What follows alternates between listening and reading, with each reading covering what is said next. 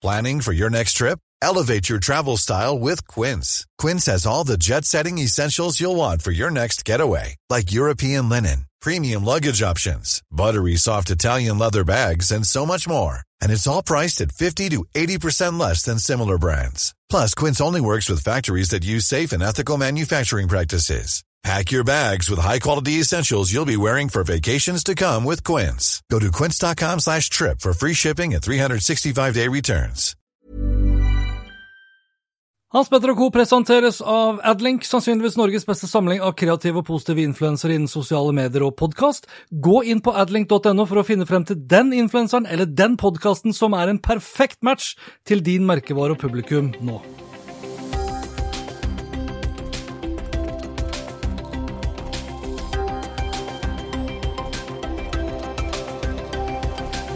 Hei og velkommen til Hans Petter og co. Jeg heter Hans Petter, og denne episoden ble spilt inn tirsdag 24. mars. Og før vi begynner, 1. Husk å være inne så mye som mulig. 2. Unngå kontakt med andre så mye som mulig. Og 3. Vask hendene dine så ofte som mulig. Gjesten min i dag har vært eh, gjest her tidligere, og det er nok ikke siste gangen hun er gjest her heller. Og det er nok ikke så rart, for Astrid Valen Utvik er Norges ukronede dronning av sosiale medier og kommunikasjon. I tillegg så er hun også gründer og daglig leder av Valen Utvik, som da hjelper virksomheter å lykkes med kommunikasjon, markedsføring og salg i sosiale medier. Og for kort tid siden så var Astrid i USA for å delta på en av verdens største konferanser om sosiale medier. Dagens tema er derfor sosiale medier. Tips, triks og trender innen sosiale medier, og kanskje enda litt mer aktuelt i disse dager. Do's and don'ts i sosiale medier i disse koronatider. Er vi enige om den agendaen, Astrid? jeg tror vi skal klare å snakke litt rundt eh, de temaene, ja. ja. Det tror jeg. Du, før, vi, før, før vi begynner, men først og fremst, hvilken konferanse er det du var på? Jeg var på Social Media Marketing World i eh, San Diego i California. Eh, som er verdens største sosiale mediekonferanse. Og det var jeg ja, nå er det drøyt to uker siden jeg kom hjem. Eh, så det var jo eh, akkurat idet de begynte å blåse ut for fullt dette her, og ikke veldig lenge siden etter at de stengte grensene. Så jeg er glad jeg kom meg hjem til, eh, til barna. Ja. du hadde vel, altså Norge er jo såpass rause at vi hadde vel sluppet deg inn selv om grensen ja. jeg, hører jo, jeg, hører jo, rykter om folk som bruker forholdsvis mye tid og ressurser på å komme seg hjem faktisk nå. Mm, mm. Så det var jo timingen eh, altså Timingen kunne vært bedre, men det kunne også vært verre. Ja, absolutt. Altså, hadde, vi, hadde, konferansen vært bare noen dager senere, så er jeg helt overbevist om at den hadde vært avlyst. Ja. Eh, når vi var på vei hjem, så fikk jeg akkurat beskjed om at South by Southwest i Texas eh, ble avlyst. Eh, og eh, det var litt sånn når vi landa på Gardermoen, så var vi veldig usikre på liksom, kommer vi til å bli testa nå, altså hvor, hvordan er det? Og så følte vi oss litt hysteriske som liksom tenkte på det. Og det var jo selvfølgelig ingenting, og vi gikk rett gjennom og rett hjem og sånn. Uh, og så var det egentlig ja, ingenting mer, ingen som spurte oss om noe som helst. Helt til liksom da selvfølgelig regjeringen uh, noen dager senere sa oi, vent litt, dere skal i karantene likevel. Med tilbakevirkende kraft. Ja. Så da har vi vært i karantene til ganske nylig. Hvordan var eh, Altså, du og jeg er jo jeg, jeg håper å si, Vi er kanskje litt enige om det, for det er jo ganske mye som blir liksom presentert av, på disse amerikanske konferansene som ikke er direkte sånn overførbart til, til Norge. Men eh, hva, hva, er liksom de viktigste takeawayene, hvis du kan klare å ramse opp det? Eh, for det første en veldig veldig stor konferanse med ekstremt mange foredrag. Uh, og jeg dro jo sammen med Glenn, både mann og kollega, uh, i VU. Og han tror jeg hadde sett for seg at vi skulle ha det kjempehyggelig på konferanse gå på konferanse sammen og sånn. Og det var bare sånn, det er helt uaktuelt. Vi må dele oss for å få dekka mest mulig her. Uh, men altså, så det var um, jeg vil kanskje ut fra det jeg prøvde å liksom prosessere selv i ettertid. Da. Nå har det liksom vært veldig mye annet fokus etter at vi kom hjem. Men det har jo prøvd å synke inn litt. Og det, det har kanskje vært to ting eh, overordna. Og det ene handla om eh, tillit, eh, som jeg jo har snakka om i Norge ganske mange, eller i hvert fall et år eller to. Ah. Så det var veldig, veldig stort. Det at shit, folkens, amerikansk befolkning stoler ikke på oss, stoler ikke på merkevarer. Vi er nødt til å bygge relasjoner, bygge tillit, troverdighet inn i merkevaren vår. Um, og så det andre gikk på dette med å være ekte. At ikke vi skulle være så polerte. Høres det mm. kjent ut? uh, og tillit, tillit, og det ekte henger jo gjerne litt sammen. det henger veldig sammen. Ikke sant? det er jo en grunn til, tror jeg, da, at den organiske rekkevidden i, i USA har vært altså, så godt som null. Der er det helt opplest å vite at alle må betale for å få spredning i det hele tatt. Sånn er det bare. Jeg var på noen sånne ganske små workshops hvor det var liksom over bordet-diskusjoner og sånn, og de var helt sånn sjokka over at vi kunne ha 30% organisk rekkevidde eller 50 eller Altså de sånn, de, de skjønte ikke at det gikk an, for der måtte du betale for alt. Men jeg tror er, det, det, henger så nøye sammen. For hvis du på en måte gir etter for at ok, vi må betale for alt, så er det bare tut og kjør. Da er det det og superstrigla, kommersie, polerte poster. Da er du i gang med det løpet, og da dreper du den organiske rekkevidden din. Um, sånn, jeg syns det er litt sånn rart med tanke på Jeg har jo vært i Amerika en del ganger sjøl. Og du, om du kommer inn på en bensinstasjon eller inn i en butikk eller må, en restaurant osv., så, videre, så er jo min kanskje jeg er litt naiv da, men min opplevelse av den der kundeservicen og den varmheten og den her liksom How are you? og de stiller deg spørsmål det, For meg så virker det ganske så genuint. men det, jo, men de er det. Altså, de ja. er, jeg er helt enig. Uh, det, det, er en helt annen sånn derre og hvordan går det med deg? Akkurat deg. Vi er kjempeinteressert i liksom, denne relasjonen, du og jeg her og nå. Kjempenysgjerrig på liksom, eh, hva du har gjort og hva du skal og hvordan. Altså, den der praten. Ja. Um, men jeg tror det er egentlig to ting. da. En ting som jeg opplever er litt trist, for jeg har også hatt litt den samme erfaringen. da, At jeg bare herregud, for en fantastisk kundeservice i butikker f.eks. Og så var det noen som sa sånn Jo, men jeg tror kanskje noe av grunnen til det, Astrid, er det at disse menneskene får ikke vanlig lønn. De får betalt av de som handler. Liksom. Og da er det klart at da er det ikke kostbart å ha kjempemange folk på plass i butikk. Eh, og, eh, og, at de selvfølgelig er veldig på hugget for å prøve å få, eh, få deg til å handle noe, da. Eh, så det er det ene. De er jo veldig, er jo veldig provisjonsbasert. så er, Poenget er egentlig bare at det er litt rart når de ser at det er den, den veien å gå. da Funker veldig i offline, hvis du vil. da. Mm. Så det er litt rart at ikke de skjønner at ja, kanskje vi burde prøve akkurat den samme tilnærmingen også, da, off, eh, også online. Ja, det er, det er, veldig rart. Men sånn som Mary Smith, da, som har vært Hun er jo liksom Facebook sin egen uh, Altså hun er konsulent, men hun tas med på råd og er liksom alltid mest oppdatert av alt. Hun hadde nå en et foredrag eh, på konferansen hvor det var liksom Organisk rekkevidde er kanskje ikke dødt likevel. Ja. Eh, og jeg tror at de bare har kommet veldig seint i gang med å se det at ok, hvis vi faktisk er bevisst det å bygge disse relasjonene og fortelle litt andre historier, da. Det var sånn bruk mobilen, folkens. Eh, fordi at det har jo Jeg tror det er litt sånn I USA så, så handler det om at du skal se stor og kul og fresh og fet ut, liksom. Eh, spesielt i kommunikasjon, da. Mm. Eh, du skal liksom slå deg på brystet, og den som roper høyest, er den som vinner. Eh, mens vi kanskje tror at, og vi har sett mange eksempler på at hvis du heller er genuin og du tør å innrømme litt feil, og du er ydmyk og du er serviceinnstilt og du er ikke sant, alt det der. Men det, det er lett å ta den kostnaden da, og kutte den vekk, den som handler om det å faktisk snakke med folk i sosiale medier. Eh, det er mye lettere å liksom lage et sett med bilder eller videoer eller hva det er, eh, putte på noen tekster og så gi det til et mediebyrå og bare kjøre ut annonsering og si at ok, Facebook funker ikke hvis ikke vi betaler. Ja. ja, og så blir det jo det, blir jo hele tiden den avveiningen som jeg opplever selvfølgelig også her i Norge i aller høyeste grad, den avveiningen mellom de korte og de lange pengene. Absolutt. Men andre, andre takeaway, sånn på kanalsiden f.eks., er, det, er det store forskjeller fortsatt mellom USA og Norge?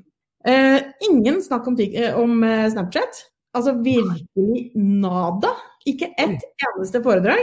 Eh, og så spurte jeg de som arrangerte dette her, og så sa de at ja, men det hadde de prøvd i fjor, og det var kjempedårlig eh, oppslutning. Ja. Eh, og da sa jeg at sånn som vi har det i Norge, der er altså situasjonen hos oss er jo ganske unik, fordi at der er det ikke bare kidsa. Her er det jo hele befolkningen, alle alderssegmentene, som bruker Snapchat. Men sånn er det ikke der. Og derfor er også mange merkevarer, altså mediebyråer bruker det selvfølgelig til annonseringsdelen av det. Men ellers så er ikke det en sånn, det er ikke en del av miksen deres, rett og slett. Um, og det nye store som flere snakka om, og som det var mange foredrag om, det var TikTok. Jeg er litt sånn Jeg er jo jeg er litt skeptisk. ja, du, altså jeg har jo konto fra Da går vi tilbake til uh, Musically, selvfølgelig, da, og, og, ganske langt tilbake. Husker hun godeste hva heter hun, Lina til Even Aaseng, søsteren til Lina Aaseng, er det ikke det heter? Jo. Hun gjorde jo et lite nummer av min Musically slash TikTok-video på 8 minutes, og det er vel tre, tre år siden eller noe sånt. Ja.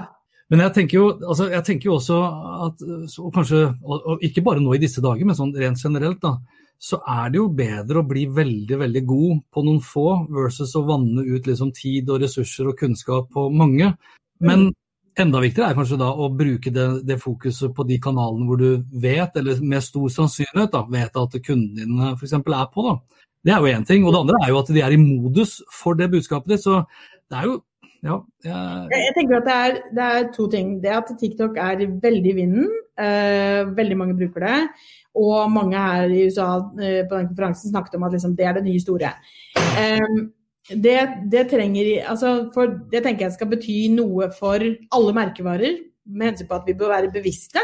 Eh, men det betyr ikke at alle merkevarer nå bør lage seg en TikTok-konto og tenke at OK, en plattform til vi skal liksom mate ut det samme innholdet vårt på. Ta, det, det, er jeg helt enig med deg. Altså, det skal vi ikke. Mye, mye bedre å være skikkelig god på noe enn å være ganske dårlig på alt. Men jeg tror at TikTok eh, det å kunne på en måte pushe seg selv litt som merkevare. Eh, og hvis man har vært litt sånn i limbo, kanskje man har, vi har hatt en Facebook-side, vi har lurt på om kanskje vi skal ha Instagram, vi vet ikke helt hvordan hva konseptet vårt skal være. Eller vi har prøvd oss litt fram på Snapchat, men fant ikke greia vår. Men vi er veldig opptatt av det yngre markedet. Eh, ja, OK, kanskje eh, TikTok skal være greia. Mm. Men du må finne et eller annet konsept. Du må finne du må skjønne at det er ikke her du skal kommunisere på samme måte som vanlig. Du må finne en helt annen måte å være på. Det betyr ikke at du skal som merkevare må lage disse dansene og albalubaen som disse tolvåring datteren min driver med sånn hele dagen når hun ikke driver med skole. Eh, for det finnes masse, masse, masse, masse forskjellige kontoer. Altså, det er så mye rart der. Jeg, har, jeg jobber med et bispedømme nå med massevis forskjellige menigheter. Og der er det noen som har gudstjeneste eh, på syv minutter på TikTok. Eh, det er eh, B2B-bedrifter, det er underholdning selvfølgelig, det er fag, det er alt mulig rart. Men du må liksom skjønne at dette er en plattform hvor du må tenke det må tenkes litt, og du må liksom finne ut av hva greia di er. Ja. Og tørre å gå liksom litt all in, da, hvis du skal klare det. Men, men er det ingen som, det ingen som liksom har noen betenkeligheter med tanke på uh, at dette er et kinesisk selskap og den informasjonen de samler inn? Jeg spurte faktisk hun ene som holdt foredrag, hun som er stor influenser på dette her, uh, om, og, og uh, liksom, om, Hun sa at det var et av de spørsmålene hun fikk oftest. at eh, liksom, Hva med dette her og sikkerhet og Kina og sånn. Eh, og da gikk hun over en sånn, svarte litt eh, Jo, jo, men alle disse appene har sine egne sånne terms and conditions, og det er jo ingen som leser alt, og vi får Nei. alle ansvar for vårt, og ikke sant. Så det var ikke sånn voldsomt eh, gjennomtenkt i grunn. Men, eh, men, det var ikke mye snakk om det, nei. nei. Eh, det var ikke det. Det er, sånn, det er, jo litt typisk. Det er jo eh, uten sammenligning for øvrig, men allikevel relaterbart, eh, den diskusjonen vi f.eks. har hjemme i Norge nå med eh, annonsører, eller ikke annonsører, men f.eks. byråer og diverse da, som mener at nå bør vi liksom flytte pengene fra sosiale medier over til mediehusene og annonsere der for at vi skal da sånn sett redde journalistikken. Det er jo en veldig god tanke, for journalistikken har vel altså De sier jo nesten hver eneste måned som går journalistikken har aldri vært viktigere. det er mye rart i, i verden. da. Eh, men samtidig så tenker jeg, så ser man jo at eh, A, det er f.eks. fryktelig mye lettere eh, å bruke verktøyene, selvbetjeningsplattformene til eller selvbetjeningsløsningene til disse sosiale medieplattformene. B, det er også da langt rimeligere. Mm. Og C, du får ja, spesielt nå. Og du får jo også en helt annen innsikt da, som gir deg og tilfører din nettside og dine kanaler som du også eier, da, ganske viktig data tilbake som gjør at du i større grad kan også da lykkes da, i disse trange tider nå med, med å selge. Men før vi, før vi avslutter akkurat denne TikToken, jeg, nå, ja, for nå husker jeg ikke hvor jeg leste det, men tidligere så har vi jo lest at uh, TikTok f.eks. har blitt beskyldt for å undertrykke og sensurere en del poster som f.eks. er kritiske til, til Kina. Mm. Uh, her Forleden dag så leste jeg en artikkel hvor, hvor noen hadde fått tak i da, sånne retningslinjer for de som da sitter og modererer. Mm. Som da får beskjed om å fjerne f.eks. Uh, eh, folk som ikke er så pene når de står og danser. ikke sant? Hvor da forklaringen med det er at de skal prøve å hindre da mobbing. Mm. Altså, kjøper du det? Nei, på ingen som helst måte. Eh, jeg tror den grunnen til at de aller største influenserne på TikTok er supernydelige jenter som danser og eh, liksom er eh, Ja, som, som, er liksom er det som det TikTok Jeg, jeg tror TikTok har lyst til å være. Idealet? TikTok-idealet? Ja, jeg tror det. Um, men så ser man at det er mange andre rare profiler som dukker opp. altså rare sånn, sånn som man ikke kanskje hadde sett uh, uh, Hadde tenkt at å, det der kommer til å slå an på TikTok, men så gjør det det allikevel. ikke sant? Om det er noe humorgreier og det er folk som gjør narr av seg sjøl eller hva det nå er, måtte være. da, og det, det som jeg tror er eller i hvert fall det som alle trakk fram i uh, USA, var at den algoritmen til TikTok er helt rå. Mm. Sånn at det det handler om uh, der, er jo den for you-siden. Uh, altså, jeg har jo vært superstreng med Linnea hjemme hos oss, som OK, du får bare følge de vi kjenner, ikke sant. Og det er kun de som får lov til å følge deg. og så ser jeg liksom Men alle disse menneskene her, da, de som dukker opp, ja men det er på for you-page. Der har liksom hvem som helst mulighet til å komme inn. Ja. Eh, så de får jo med seg alt mulig informasjon, og basert på hva de liker, så får de mer og mer av det. Så her er det ekkokammer. Altså her er det liksom de, ja, ja. de ekkokammeret. Eh, men det gjør jo Algoritmen, Algoritmene uh, fokuserer jo bl.a. også på selve ansiktet, altså at du faktisk da ser på ting. Mm. I en viss tid så mates det mer av de, og da har man jo kvittet seg egentlig, som du sier, med hele den, den følge følge og bli avfulgt eh, type tilnærming som vi er kjent med fra veldig mange andre sosiale nettverk. Ja, ja. Folk er ikke like opptatt av det her. Altså, det er klart at eh, Influenserne vil jo ha flere følgere, for at det gjør kanskje at de kan bli verifisert, og så kan de liksom vokse og vokse og få mer eh, business fra merkevarer osv. Mm. Men det å se på videoer, det å scrolle den feeden og høre de sangene om og om, om igjen, eh, det gjør de jo uansett. Om, og, da, og, det å klikke seg inn på en profil og så følge og sånn, det er eh, Det er som at vi skulle scrolla på Facebook-feeden vår, og så hadde det kommet masse ting der som vi ikke hadde bedt om at vi skulle få se. Ja. Eh, men her er det liksom en del av greia. Men hvis ikke bedrifter f.eks. sjøl bør være på TikTok fordi de rett og slett eh, altså de har det ikke i seg, f.eks. Det, det blir bare det blir så tillagt at da, da, mister du det autentiske, og da forsvinner for så vidt tilliten. og Det samme kan jo kanskje gjelde også Snapchat og ja, egentlig alle kanaler, litt sånn avhengig av hvem det er. Eh, hva var ståa da på influencer marketing, for det er jo en vei å kunne gå da, gjennom disse kanalene? Ja, det var ikke så veldig mye sånn strategi, syns jeg, rundt det. Altså så mange okay. foretak som gikk på det. Men det var, det var absolutt en del av eh, liksom miksen. Eh, men det handla mer om å kanskje å, å, å, finne ut hva din merkevare ønsker å oppnå. Da, hva slags mål du har, hva, og hva som er riktigst må, måte å nå de målene på. Mm. Eh, det kan være, som du sier, å ikke være på Snapchat selv, men heller bruke en influenser for å nå ut med det budskapet. Men igjen så handla det om da å og ikke bruke 80 influensere med det samme budskapet for å liksom nå bredt ut, men å finne noen du dyrker en relasjon til, som, som kan leve merkevaren din, og som kan skape noe over tid. da. Ja, en, en mikroinfluenser, skråstrek ambassadør, da, en betalt uh, ambassadør. Ja. Lange partnerskap. Ja, og det som er interessant i altså den konferansen, så er jo en, en mikroinfluenser der. ikke sant? De her, kanskje var det under 500 000 følgere. eller noe sånt i vår sammenheng så er det liksom helt absurd, ikke sant. Ja, ja. Eh, sånn at de, Jeg tror de kaller nano-influencer, det er jo under mikro. Ja. Eh, nano-influencer var Altså var det under 10 000 følgere, eller? Okay, eller hva, hva, hva, er mindre enn nano? Da er vi liksom nede på, altså, på på partikkelnivå. Even on a budget, quality is non-negotiable. That's why Quince is the place to score high-end essentials at 50 to 80% less than similar brands. Get your hands on buttery soft cashmere sweaters from just 60 bucks, Italian leather jackets, and so much more. And the best part about Quince, they exclusively partner with factories committed to safe, ethical, and responsible manufacturing. Elevate your style without the elevated price tag with Quince. Go to quince.com slash upgrade for free shipping and 365-day returns. Many of us have those stubborn pounds that seem impossible to lose, no matter how good we eat or how hard we work out. My solution is PlushCare. PlushCare is a leading telehealth provider with doctors who are there for you day and night to partner with you in your weight loss journey. They can prescribe FDA-approved weight loss medications like Wagovi and Zepbound for those who qualify. Plus, they accept most insurance plans. To get started, visit plushcare.com slash weight loss. That's plushcare.com slash weight loss. De fleste Norge tror jeg er på det, det, det nivået. Ja. Det er litt rart. altså Hvordan var demografien av de som holdt foredrag? For det er ofte litt sånn, Jeg merker jo det her i Norge også. Hvis du har folk som er ja, vår alder og oppover, da, som holder foredrag om sosiale medier, Mm. så glemmer vi ofte de her eh, TikTokene og Snapchatene. For vi blir jo mest opptatt av å ha mest kunnskap på de plattformene vi er tryggest på sjøl. Hvordan var demografien på konferansen?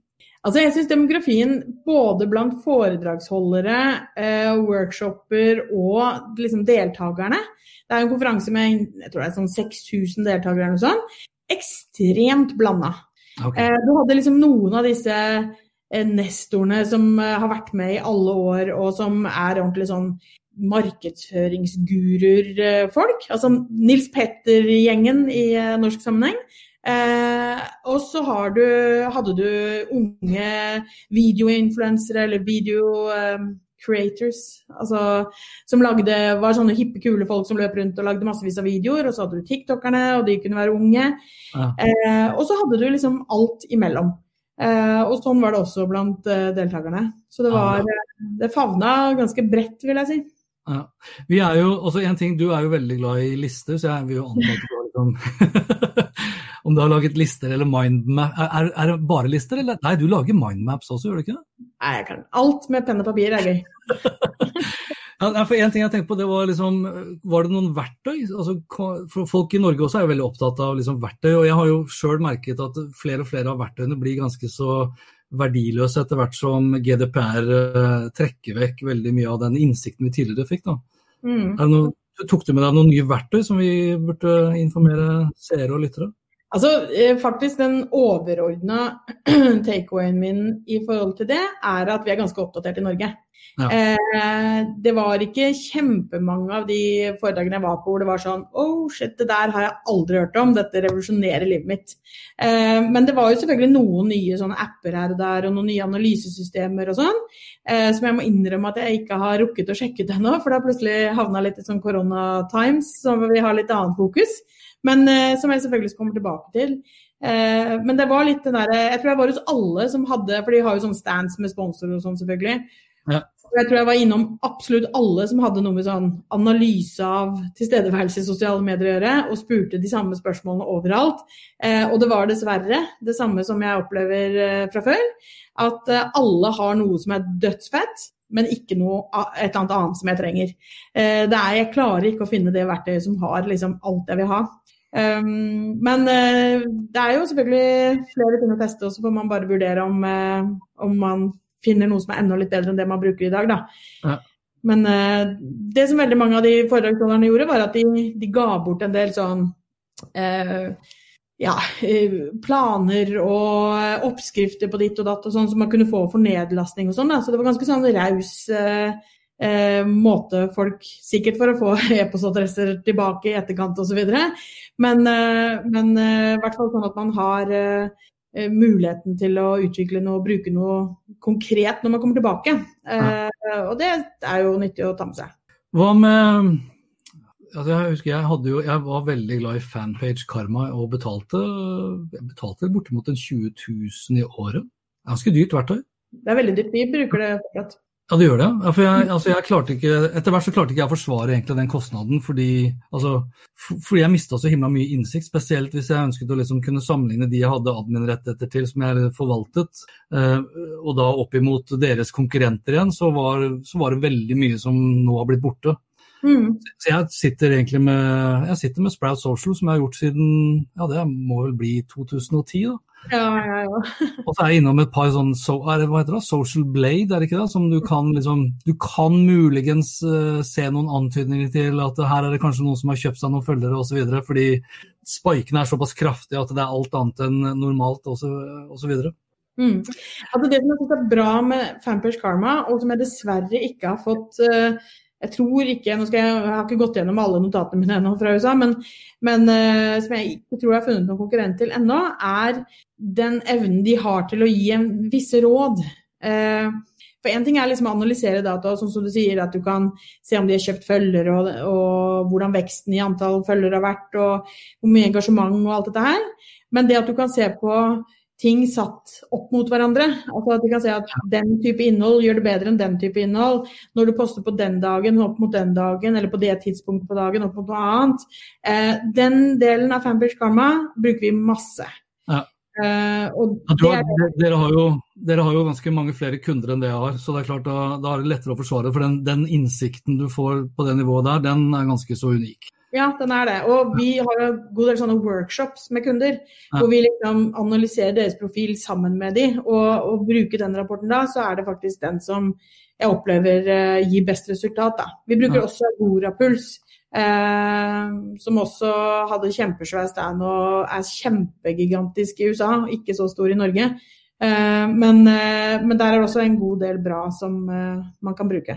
Hvis du altså Hvis du klarer, nå som vi er i disse tider som vi er, og som uh, preges av altså Én ting er permitteringer og, og, som følge av at folk slutter å kjøpe osv. Det, er det er jo noe i det her med when in trouble double, f.eks. Og ikke nødvendigvis at double, da, men vi ser jo, og vi kan jo lese av tidligere kriser også, at de virksomheter som reduserer markedsbudsjettet sitt og kommunikasjonen minst, det er også de som taper minst, og som kommer også mye bedre inn Eh, i markedet når krisen er eh, over. Mm. Har du noen gode råd? Skal vi ta for oss litt sånn gode råd, hva vi tenker om hvordan man bør jobbe seg gjennom den krisen? her? Altså, vi vet jo ikke engang hvor lenge det vil vare heller, da, men Nei. Nei, for det første så det, Vi har jo ikke det tidsperspektivet, eller horisonten. sånn at vi eh, Det er klart at det som kanskje vi anbefaler i dag, er ikke likt det som vi anbefaler om en uke. Det vet man ikke. Men eh, nettopp med bakgrunn i det du sier, Altså, jeg tror ikke dette her er tiden hvor du nå skal eh, Selv om jeg skjønner på alle mulige plan, også for min egen del, at det er veldig mye nå. Det er veldig mye med alle virksomheter, eh, deg som ansatt i en virksomhet, eh, du sitter kanskje hjemme med barn og skal være lærer i tillegg. Hele verden er snudd på hodet, du får ikke kontakt med folk. Altså det er masse nå. Mm. Men så virksomhetsmessig og kommunikasjonsmessig så uh, syns jeg det er synd hvis vi skal kaste bort denne muligheten, hvor vi har til å vise oss fra en ganske sårbar, åpen, ærlig, uh, ydmyk måte. Eh, vi har bygd relasjoner. Det viser den organiske rekkevidden som er unikt høy i Norge. Vi har bygd relasjoner med folk over tid. Det tar lang tid å bygge en relasjon, men det er kort tid å bryte den ned. Ja. Eh, så hvis vi slipper ballen nå, er helt knyst i alle våre sosiale kanaler, altså digitalt eh, kommunikasjon generelt, og så jobber eh, på med hva vi måtte holde på med, eller blir apatiske, eller jeg vet ikke hva. Eh, og så tar dette opp igjen om tre måneder, et halvt år. Så tror jeg det blir tøft å skulle komme liksom, få de hjula i gang igjen. Få algoritmene til å finne sidene våre igjen, og profilene våre og innleggene, og, og begynne å bygge opp de relasjonene igjen. Men jeg tror at hvis vi det betyr ikke at vi må være verdensmester nå, men vi må bare skjønne og sette oss inn i den konteksten som målgruppa vår er i. Eh, og tørre å liksom si det som det er. Vi har ikke noe fasit nå. Eh, vi skulle gjerne solgt dere våre tjenester, våre produkter, men vi får ikke lov. Eller dere, dere har ikke lov til å komme til oss og kjøpe det. Eller eh, frisørsalonger som stenger. Eh, restauranter som ikke kan holde åpent lenger. Eh, men det er liksom noen muligheter. Du kan snakke om det at Ok, frisører f.eks. som har blitt pålagt å stenge. Eh, gi tips og råd og, og, oppmuntring på andre måter. Si at eh, ok, nå er det mange hjemme som kanskje begynner å få litt ettervekst. Eh, det som kan være fint, er å flette det på en sånn, sånn måte hvis du er dameholder. Eh, er du mann og har kort hår og kanskje trenger eh, liksom, en stutt Dette er tre tips til hvordan du kan fikse det sjøl. Ja. Um, sånn. tenker om kommunikasjon som i hvert fall holder relasjonen varm, da, selv om ikke det kommer kanskje penger inn? Nettopp. Ja. Fordi jeg tror at hvis du gjør det i den tiden som er nå, ja. Så holder du for det første, som du sier, relasjonen varm, men jeg tror du får bygd noe helt unikt inn i den relasjonen. Eh, for det blir litt sånn oss på lag. Denne dugnadsånden. Eh, vi ser det massevis av eh, eksempler på liksom lokalt næringsliv som bare sånn OK, den lokale kafeen vår, vi har lyst til at den skal fortsette å være Nå vippser vi de liksom den kaffen vi tar hjemme. Betaler vi en slant allikevel, sånn at de kanskje kan klare å komme seg på jobb og ha penger til å drive når dette er over. Um, og, og, den tror jeg handler om noe liksom ordentlig grunnleggende i oss som de vi liker, de elsker vi eh, etter en sånn greie som det her. Hvis det er vært vi har stått sammen og yes, vi klarte å få eh, lille Anna Sybel her på Nesodden til å overleve. Ja. Eh, da er det liksom et sånn team effort som kommer til å være helt gull når dette er over. Kan det, kan det kanskje føre til altså, Jeg husker han eh, Ole Petter Nyhaug i Opinion skrev jo en veldig god sak om hvordan atferdsendringene vil inntreffe nå under denne krisen. her, og Jeg har jo vært en av de som liksom stått, nei, jeg skal ikke si at jeg har stått på barrikadene, men sånn hyllet uh, internasjonale nettbutikker som er kjempebra fordi de har bra kundeservice, gode algoritmer, godt varelager. Kan det tenkes at uh, det, du, det, du, snakker om nå, da, kan, og den krisen vi står i nå, kanskje vil endre folk til å være mer opptatt av det lokale næringslivet? Så altså, jeg tror jo nå stiller jeg jo et langt spørsmål, men sånn, jeg tror det er liten sannsynlighet for eksempel, at veldig mange av oss kommer til å reise til utlandet i sommer. Mm. Enten fordi krisen ikke er over, eller fordi penge, altså lommeboka er såpass skranten osv. så at det blir liksom en norgesferie. Og det er jo kjempebra for turistnæringen i Norge. Altså, så du, du, velger det kanskje til og med frivillig. Selv om du har mm. anledning til å dra til utlandet, så velger du det kanskje frivillig fordi alle skal være med. Det er nesten som oppbyggingen av Norge etter andre verdenskrig. uten Men det er nesten som, det er jo det. Ja. Det er jo den største krisen vi har hatt etter krigen. Ja. Eh, og det kommer til å bli liksom, helt ekstremt tøft i økonomien vår. Eh, og som vi har snakka litt om eh, både sosiale medier og i forkant av at vi starta denne innspillingen her, så, så jo, er det ganske mange permitteringer rundt omkring nå. ikke sant? Og det ja. gjør både selvfølgelig frisører og alle disse her som er pålagt å stenge, men også sånne som oss som, eh, hvor vi vanligvis står på scener og foredrag og workshops og kurs, og det kan vi ikke gjøre lenger. Mista masse business. Den eneste muligheten regjeringen har gitt oss, eh, eller Stortinget har gitt oss, er jo å permittere oss selv. Eh, men jeg har virkelig ikke lyst til det nå, fordi det er nå vi må jobbe på for å klare dette her. Mm. Og jeg tror at derfor, hvis vi nå setter oss tilbake og tenker OK, jeg er permittert, jeg får ikke jobba. Hva skjer da med handlekraften vår? Da har ikke jeg noe penger til å støtte lokale eh, næringslivet her. ikke sant? Fordi at eh, jeg er jo redd for om jeg skal klare å betale huslånet mitt, eller eh, Og, og det, da er vi inne i en veldig skummel spiral. Så det er ingen tvil. Jeg er helt overbevist om at dette her kommer til å føre en, en økt grad av nasjonalisme på et sett. Og så får vi håpe at det ikke liksom, eh, går for langt i den retningen. Men, men en nasjonalisme i forhold til at vi må støtte Norge. Nå må vi, ja. må vi gi til samfunnet vårt da, og bygge opp igjen samfunnet vårt. Um, så det det du sa om, om VIPS, vi kan jo kanskje, kanskje, vi skal runde av med en oppfordring der. For én eh, ting er hvorvidt liksom, norske annonsører nå bør flytte eh, markedsføringen sin over til eh, norske medier for å redde journalistikken. Eh, kanskje en løsning er at eh, norske mediehus f.eks. følger noe av det som The Guardian har gjort. Der kan du også gå inn og og, og støtte de økonomisk. Eh, at alle, nett, alle, altså, at alle, norske medier får opp en sånn Vipps-løsning. Så jeg kan gi en femmer hvis ikke jeg abonnerer, jeg kan gi en tier. Men det gjelder jo også da egentlig alle norske selskaper. For problemet nå, som du sier, er jo at jeg sitter veldig tettere på med mine egne penger. Jeg vil ikke bruke penger, for at jeg er jo livredd for at jeg ikke skal mine, klare å betale mine faste utgifter. Så vi bryter jo Den sirkulære økonomien er mm. ødelagt hvis ikke vi sånn sett da veksler penger oss imellom. Kanskje du og jeg, og alle andre også, i større grad nå kanskje skal få opp en sånn Vipps-løsning. da. Om du har vært inne og lest en artikkel, om du har vært inne på en nettbutikk, men ikke handlet, kanskje du kan gi en tier allikevel. Altså, mm. Alle bekker små.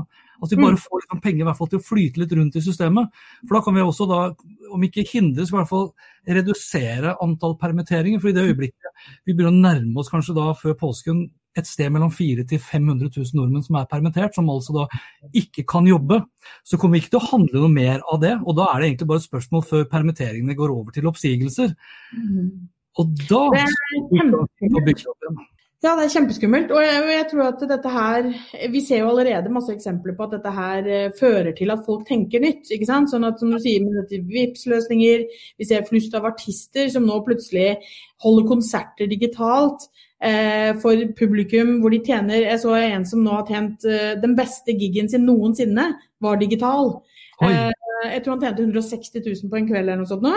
Uh, og det var en artist jeg ikke har hørt om. Det trenger jo ikke nødvendigvis si så mye, men uh, det var i hvert fall det. Du ser liksom andre som ja, restauranter som begynner med takeaway. vi har en restaurant her ute på Nesodden som er kjempebra, helt ny. De har et bakeri som baker til restauranten, mm. men de ser jo at restauranten klarer ikke å gå rundt. Eh, men bakeriet, det at de kan liksom bake masse greier som folk her på Nesodden kan komme og handle, går som hakka møkk. Ok, men da er det det vi gjør. Eh, så det at man finner liksom nye måter å tenke business på, hvordan man skal klare å, å, å kjøpe og handle av hverandre, eh, det er jo veldig fint for vår del at vi kan liksom nå si at hvis vi bestiller takeaway til middag, så er det sånn vi støtter lokale næringslivet. Det er ikke fordi vi er late og ikke gidder å lage middag. Men det er noe med det allikevel. At vi, at, vi, faktisk gidder å, å bruke penger. Da. Eh, for, og, og, derfor, må jeg bare slenge inn helt til slutt, mm. klikker det for meg når jeg nå ser hva bankene driver med. Åh, for nå har liksom sentralbanken satt ned renta to ganger på en uke. Skjer jo egentlig ikke. 0,25 er den på nå. Og der er det jo normalt en sånn seksukers eh, eh, periode hvor, har, hvor, våre personlige banker ikke da har lov til å justere renta opp ikke sant? etter at sentralbanken har gjort noe. Men så lenge det går i vår favør, så har de lov til å gjøre det kjappere enn seks uker. Ja. Vår bank f.eks., Sparebanken1, de har nå valgt å eh, sette renta ned med en gang for nye kunder. Men vi eksisterende, som har lån, vi får den ikke før 6. mai. Nei, og de sier jo det. Altså, det er jo for at du skal ha denne seksukersperioden til å eventuelt da klage etc. Ja, men det er ingen som klager på å sette ned renta. Nei, nei, men selvfølgelig. Og, og, de har jo heller, altså, og det bankene har gjort og det, og det bankene har gjort, da, anført av DNB, som var først ute, så følger de gjerne De andre bankene følger jo gjerne etter. Eh, og det er jo at de sier jo at de også setter ned med inntil. Mm. Så jeg veit ikke hva henger så nøye sammen. Jeg fatter ikke at de har lov. Og nå har jo til og med myndighetene gått ut og sagt at vi oppfordrer bankene til å sette ned renta raskt. Og det er jo nettopp fordi at jeg som lånetaker med mine millioner i lån i banken, hvis jeg hadde fått vite at oi, ok, jeg skal ikke betale så mye, men jeg skal betale så, eh, liksom, såpass mye mindre, ok, men da har jeg råd til å bestille en eh, takeaway-middag til. Eller da har jeg råd til å bytte ut en TV-en som faktisk har blitt ødelagt i huset vårt nå. Ganske del tidspunkt å få ødelagt TV på, skal jeg si det. Men da, da, da, kanskje gjør jeg det allikevel. Men hvis de nå skal vente til mai, er du klar over hvor lenge den horisonten fra liksom nå i mars og så til mai det, Jeg aner ikke hvordan verden ser ut i mai. Uh, og det er liksom, jeg ser ingen økonomiske annet enn for bankene, selvfølgelig. At de nå tjener sabla mye penger på, på drøye. Ja, og, og det, vil jo, det vil jo i tillegg de vil jo også tjene gode penger på, på egentlig de pakkene som, eh, som, staten har kommet opp med så langt. For det handler jo mest av alt om at vi som driver virksomheter kan låne penger. Ja, nydelig. Ja, og det er det. Vi bruker den lave renta til at jeg skal bli trigga til å låne pe mer penger, istedenfor at jeg skal betale mindre på det jeg allerede har lånt. Hvor er Hallgeir Kvalsheim når vi trenger den, sier jeg bare. vi, får, vi, får, håpe de tar til eh, fornuften. Eh, det som kanskje kan være greit, da, som du også har vært blant annet veldig flink til å gjøre, det er jo å ytre de bekymringene og frustrasjonen da gjennom drumroll sosiale medier. Skal vi, si, eh, skal vi, si, oss ferdig for, for, denne gang og ønske alle sammen lykke til? Og så kan jeg vel komme med en siste anbefaling, for du har skrevet veldig kloke tanker om hvordan man bør kommunisere gjennom disse tider på valen-utvik.no. Ja. Ikke det riktig? Og så legger, vi, legger, jeg ut lenker selvfølgelig på hanspetter.info til det vi også da har snakket om. Mm. Takk for at du kunne bli med, Astrid, og vi ses uh, snart igjen. Og forhåpentligvis uh, eh, IRL, for da skal du få, i den grad det er mulig, en ordentlig, ordentlig god, ekte klem. Jeg gleder meg til det ekte. Det gjør jeg òg. Takk for at du fikk med. Ha det godt, da. Ha det.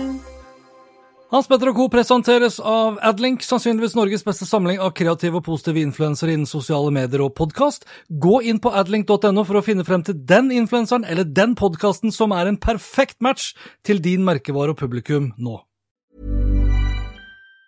Planning for your next trip? Elevate your travel style with Quince. Quince has all the jet-setting essentials you'll want for your next getaway, like European linen premium luggage options, buttery soft Italian leather bags, and so much more. And it's all priced at 50 to 80% less than similar brands. Plus, Quince only works with factories that use safe and ethical manufacturing practices. Pack your bags with high-quality essentials you'll be wearing for vacations to come with Quince. Go to quince.com slash trip for free shipping and 365-day returns. My business used to be weighed down by the complexities of in-person payments. Then, Tap to Pay on iPhone and Stripe came along and changed everything. With Tap to Pay on iPhone and Stripe, I streamlined my payment process effortlessly. Now I can accept in-person, contactless payments right from my iPhone. No extra hardware required. What's truly remarkable is how I can cater to all of my customers' payment preferences. Whether they're using cards, Apple Pay, or other digital wallets, Tap to Pay on iPhone and Stripe ensure a smooth checkout experience every time. And it's not just me. Stripe helps businesses of all sizes, from local markets to global retailers, scale quickly and stay agile. To learn how Tap to Pay on iPhone and Stripe can help grow your revenue and reach, visit stripe.com slash tap iPhone.